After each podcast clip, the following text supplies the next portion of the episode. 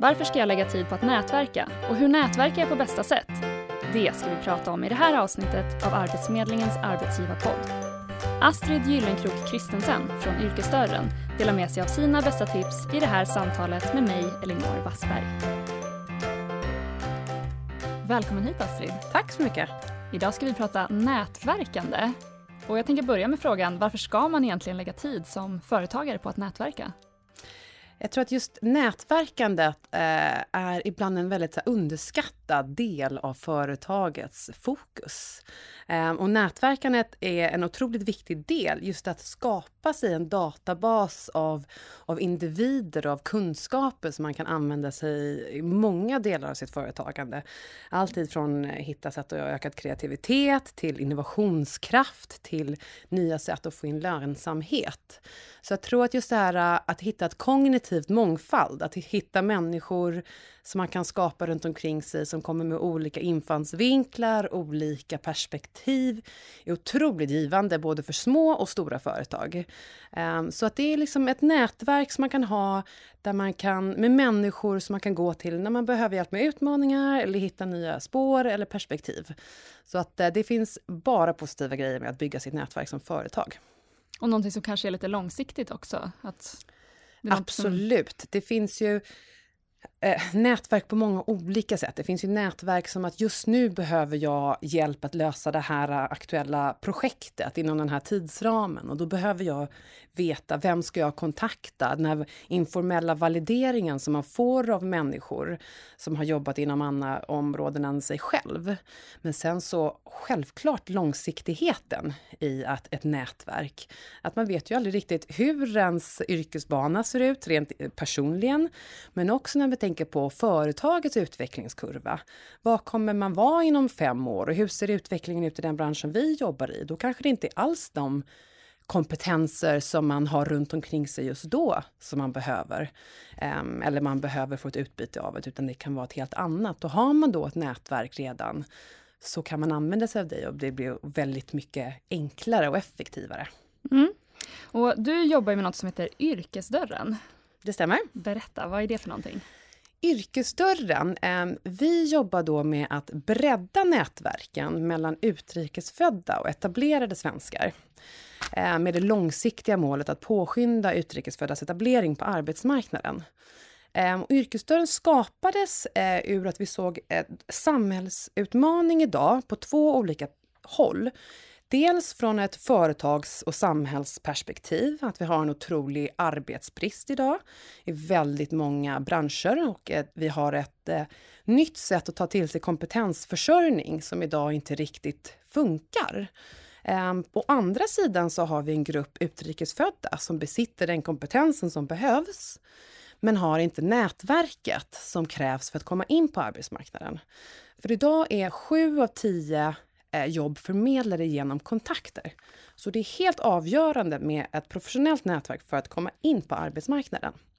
Så där finns yrkesdörren. Dels då för att hjälpa utrikesfödda att bygga sina nätverk, men också att hjälpa företag att ta tillvara på den kompetensen som den här målgruppen sitter och få tillgång till hela talangpoolen i sin rekrytering och i sitt nätverksbyggande.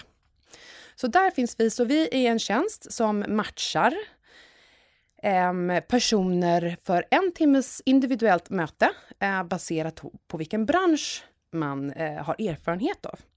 Så man då registrerar sig på vår hemsida, eh, var man vill träffas och från vilken bransch man har erfarenhet av och blir då matchad med en etablerad svensk om du är utrikesfödd eller en utrikesfödd om du är en etablerad svensk. Och då träffas man på eh, en fika, brukar det oftast vara. Det är en timmes möte på en plats som passar er, där man har med sig en samtalsguide som kan sätta rätt förväntningar på att hur, vad pratar vi om? Allting från sociala koder inom den här branschen till hur ser rekryteringsprocessen ut och hur ser eh, arbetsmarknaden ut inom den branschen som man har erfarenhet av?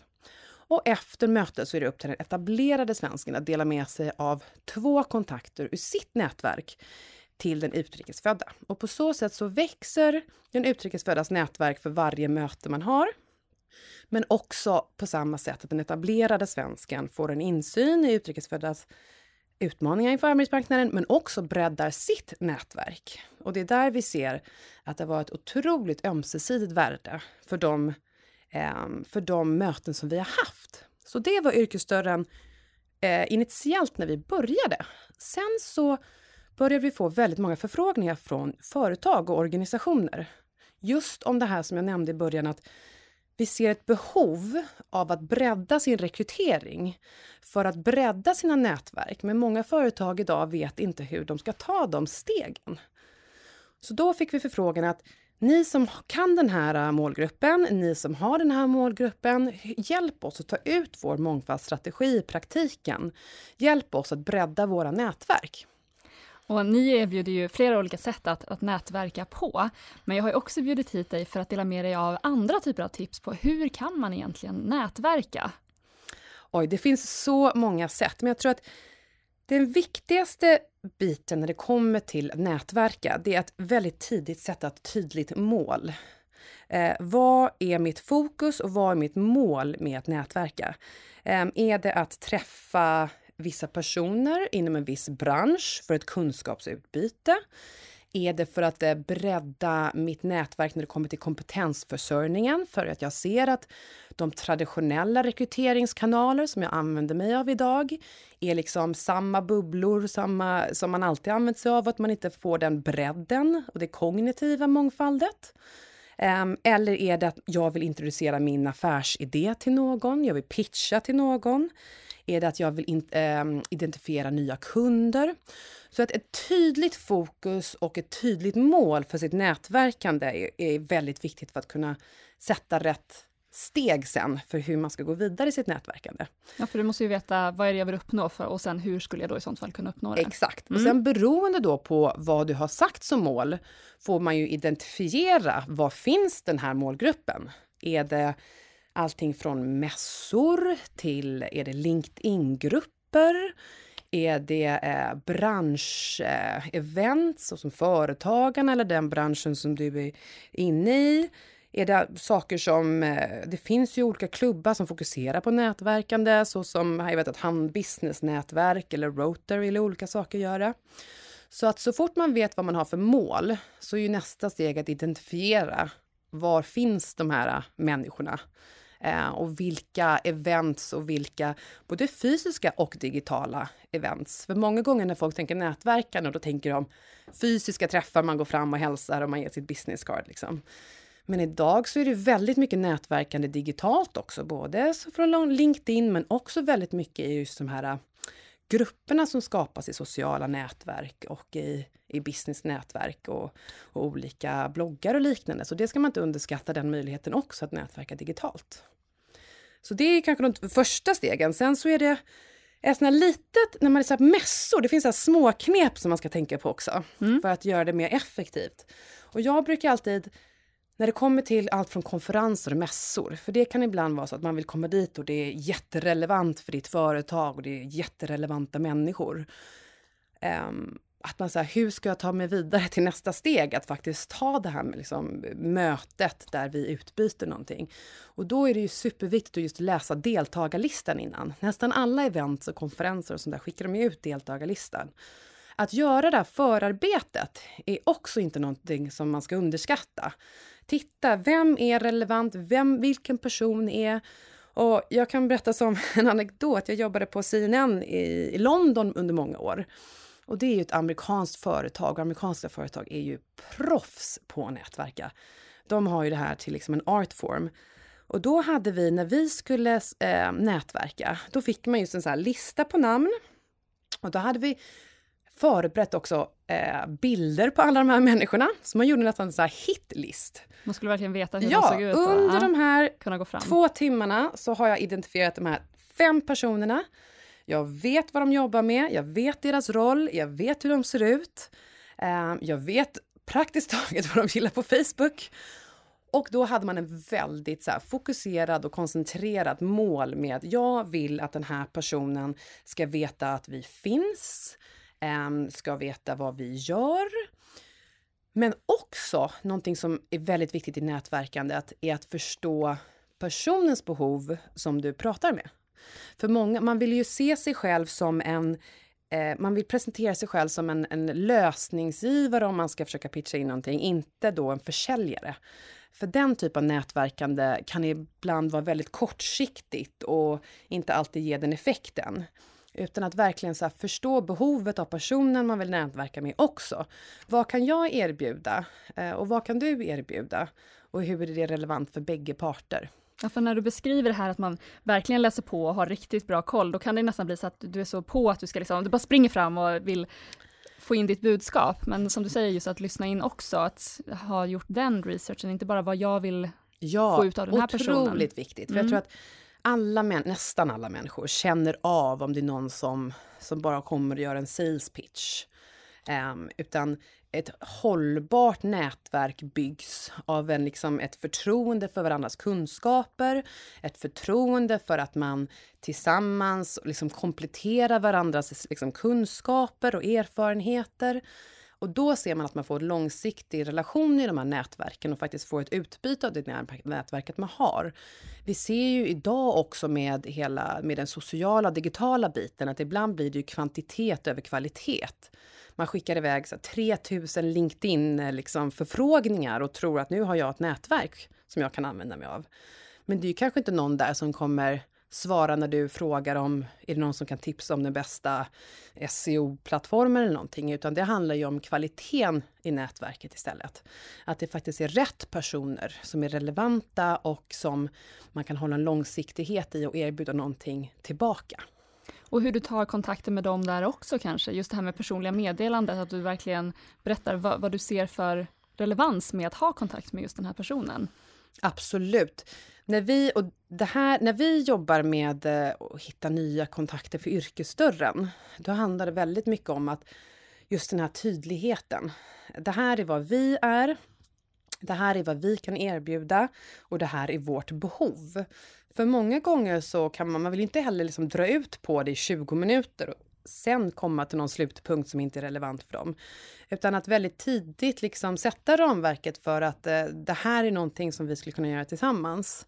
Eh, är också väldigt viktigt. Just för att, att tidigt kunna se, för att alla vill ju hitta olika sätt att komplettera sina företag och kunskaper och liknande. Men sen så ska man inte vara rädd att gå vidare heller. Och det där är en sån här fälla inom nätverkande som jag tror att många ibland kan vara rädda för. Det här att åh, nu fastnar jag med den här personen på den här mm. konferensen. Så står jag här i en timme och jag har egentligen fem andra personer som jag vill prata med. Där är ett annat tips att var inte rädd för att gå vidare, eh, utan Håll det liksom kort och koncist och liksom relevant och känner bägge parter att ja, men det här är någonting som vi vill utforska vidare. Ta då kontakten, följ upp då vare sig det är visitkort eller byt mejl eller någonting. Och följ upp med det då kanske dagen efter och liksom håll kvar momentum för att bygga någonting. Men är det inte relevant, då är det helt okej okay att säga jätteintressant att höra vad du jobbar med. Nu ska jag gå vidare. Um, ha det så bra. Lycka till. Lycka till, ja exakt. Har du några fler tips som du vill hinna med och dela med dig av innan vi avrundar? Eh, hisspitchen ska mm. man inte heller underskatta. Och det ju lite, går ju lite hand i hand med det vi precis pratat om. Vad är, vad är liksom USPn för dig och för ditt företag? Vad är väldigt kort och liksom konkret kärnan av din verksamhet? Vad är ditt behov? Vad kan du erbjuda? Eh, att hålla det väldigt konkret eh, är väldigt viktigt i den här processen för att man eh, väldigt tidigt ska sätta rätt förväntningar på vad man har för relationen ehm, och vad den kan ge i just den här långsiktigheten av att bygga sitt nätverk. Så det är otroligt viktigt. Sen en stor bit är just det här att, att inte vara rädd för nya idéer eh, och infallsvinklar. För att, och det handlar lite om det här kognitiva mångfaldet och, och de här filterbubblorna som det pratas väldigt mycket om. Många gånger så ser vi att när vi har väldigt likasinnande runt omkring som jobbar inom samma bransch, inom samma företag.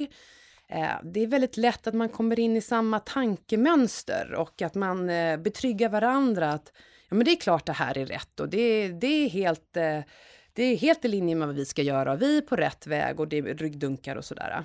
Och sen ibland när det kommer in folk från en helt annan infallsvinkel och totalt vänder hela den biten upp och ner, då kan man tycka att det känns lite otryggt.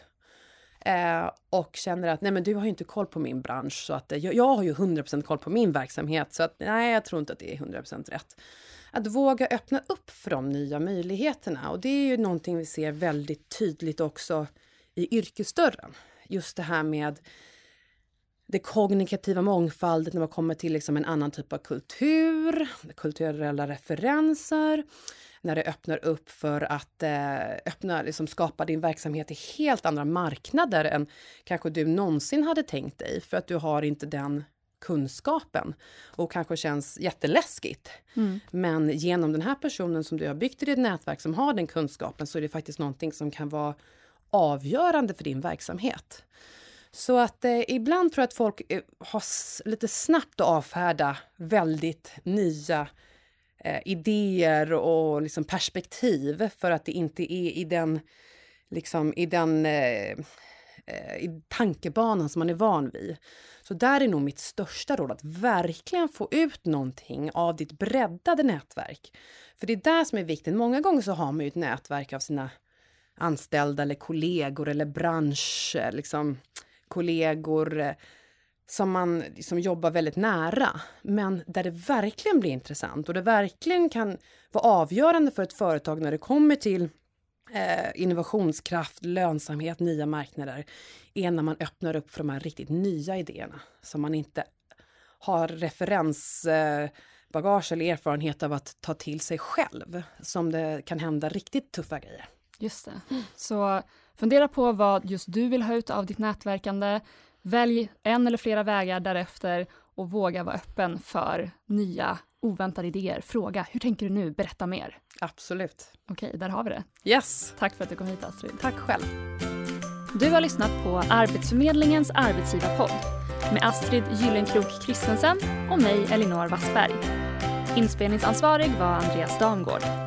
Om två veckor ska vi prata om innovation. Häng med då! Vi som jobbar med podden vill gärna höra vad du tycker om den.